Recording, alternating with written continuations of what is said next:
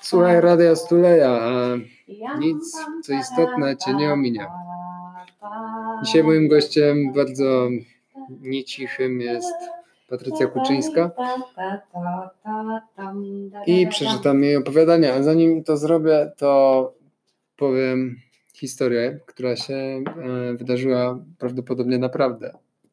Otóż e, Patty niedawno wróciła z Tajlandii i. Dzień tam... dobry, dzień dobry. Niestety żałuję, że mnie nie widać, gdyż moim największym atutem jest mój wygląd. Tak, uroda nieziemska, dlatego z innej planety przyleciała.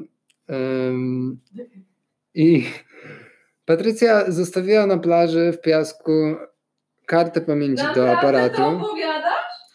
I ciekawe jest to, że do jej przyjaciółki zadzwonił ktoś, kto też był tam Tajlandii i powiedział, że wsadził tą kartę sobie w komputer i wykryło mu twarze. Na Facebooku mu powiedziała, jakie to twarze, odezwał się do ludzi i się okazało, że ta karta zostanie przywieziona, zostanie przywieziona czy tam wysłana, więc bardzo fajnie. Z jednej strony tutaj wielka inwigilacja, a z drugiej bardzo pomocna rzecz, jak się No zgubi tak, kartę. jakiś Czech znalazł kartę na plaży w Tajlandii i no to jest nieprawdopodobne, że my ją zgubiłyśmy, nawet o tym nie wiedziałyśmy i wie, że to jest Julia, Patrycja i Dominika i jedną z nas znalazł w internecie i ją wyślę. Co za w ogóle jakiś kosmos. No, taki algorytm.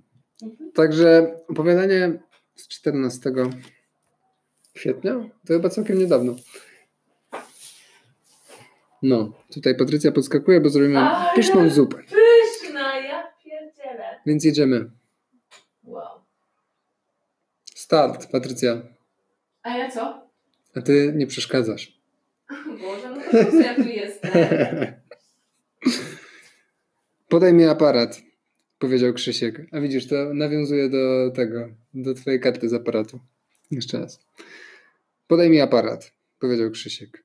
Chcesz zrobić zdjęcie? zapytała Marta. Spojrzał na nią wymownie. Podaj mi aparat, rzekł tym samym tonem. Płacząca przed nimi wierzba wzdychała, z każdym donioślejszym podmuchem wiatru. Jej liście, zielono-jasne, smukłe i zakochane w swoich lianach, zdobiły gałęzie, a wraz z nimi cały park. Ale sztuka! Wypadło z między ust Krzyśka. Ależ mi się podobają drzewa, dodał. No sama zobacz. Ja nie rozumiem obrazów, aukcji, nazwisk. Po co to wszystko, skoro mamy wierzby, 3D? Strzelił kolejną klatkę. Gdybym tylko mógł ją lepiej uchwycić. Jakoś szerzej, ale też bliżej, głębiej, w pełnym nasyceniu barw. I jeszcze raz padł charakterystyczny klik. Marta przyglądała się wysportowanej sylwetce Krzyśka. Wyjęła swój telefon i zaczęła cykać. Robiła mu zdjęcia z profilu i od tyłu, chwytając w tle wierzbę. Rzeczywiście, niezły okaz, mówiła, dodając mu otuchy do kolejnych pstryków. Ledwo się mieści w kadrze. Tak, zgodził się w swej namiętności Krzysiek. Wyjątkowo szeroka korona. Oj tak, przytaknęła Marta. Wyjątkowo mocny pień.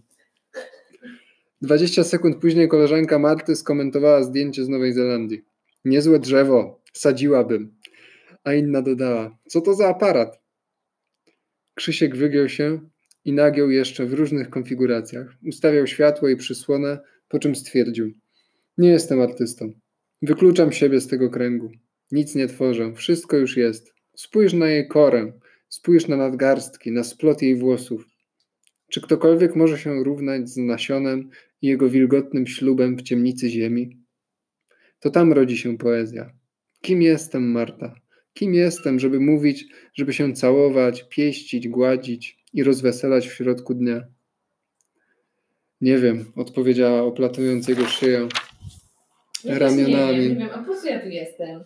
Co mam robić? A zmysły. Nie mogę być tak w cieniu, to nie jest moje przeznaczenie. Tak. To ja może wrócę i przeczytam jedno zdanie wcześniej. Kim jestem, żeby mówić, żeby cię całować, pieścić, gładzić i rozweselać w środku dnia? Nie wiem, odpowiedziała, oplatując jego szyję ramionami, a zmysły wiosną swoich uczuć. Nie wiem, ale rób to, dodała. Patrz, wycelował palcem młody Zygfryd. Patrz, Tomek, ale dają w ślinę. No, dodał kolega. Zaraz mu obiektyw wyjedzie. Dawaj knura, robimy im zdjęcie. Pstryk. Hehe, dobre, wrzucaj. Idą komentarze. Starym też wolno. Drzewo zapłakane, że nada, lecz fakt. Dziewczyny, uczcie się, bo wychodzę na dwór. Naucz się chodzić najpierw. Smokaj cuksa. W końcu Krzysiek i Marta przestali się całować, a wierzba towarzyszyła wielu słowom i emocjom, o których nie mieli pojęcia. Marta wciąż miała odrobinę śliny Krzyśka w kąciku swoich ust. Mam pomysł, powiedziała mu. Zróbmy dowcip szczeniakom. Jakim szczeniakom? spytał Krzysiek.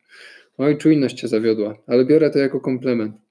Niby nic, nie odwracaj się. Dwóch smarków robiło nam foty, jak wymienialiśmy płyny. W sensie, jak robiliśmy transfer danych.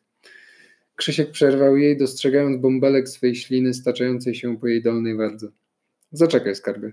Nie skopiowałem do końca. I raz jeszcze zapuścili kałamarnicę. Wierzba zafalowała, gówniarz zawtórował. Patrz to, znowu cisną. Jaki sedes, robimy film. Zygfryd chwycił za komórkę i już miał nacelować, gdy nagle z za pleców Marty Krzysiek wycelował w niego swoim kanonem i strzelił dwie serie po trzy. Wrzucam na fejsa do twojej starej, krzyknął, niechętnie odwrócając usta od Marty. Zygfryd się wzdrygnął, ale nie odpuścił. A co, ona mnie z Tomkiem nie widziała? Ja dalej kręcę, jak pan robi z siebie klauna. Piękny dzień, prawda? Krzyśkowi zrobiło się przykro. Nie wiedział, co odpowiedzieć. Zrezygnowany opuścił aparat i poszedł w kierunku domu.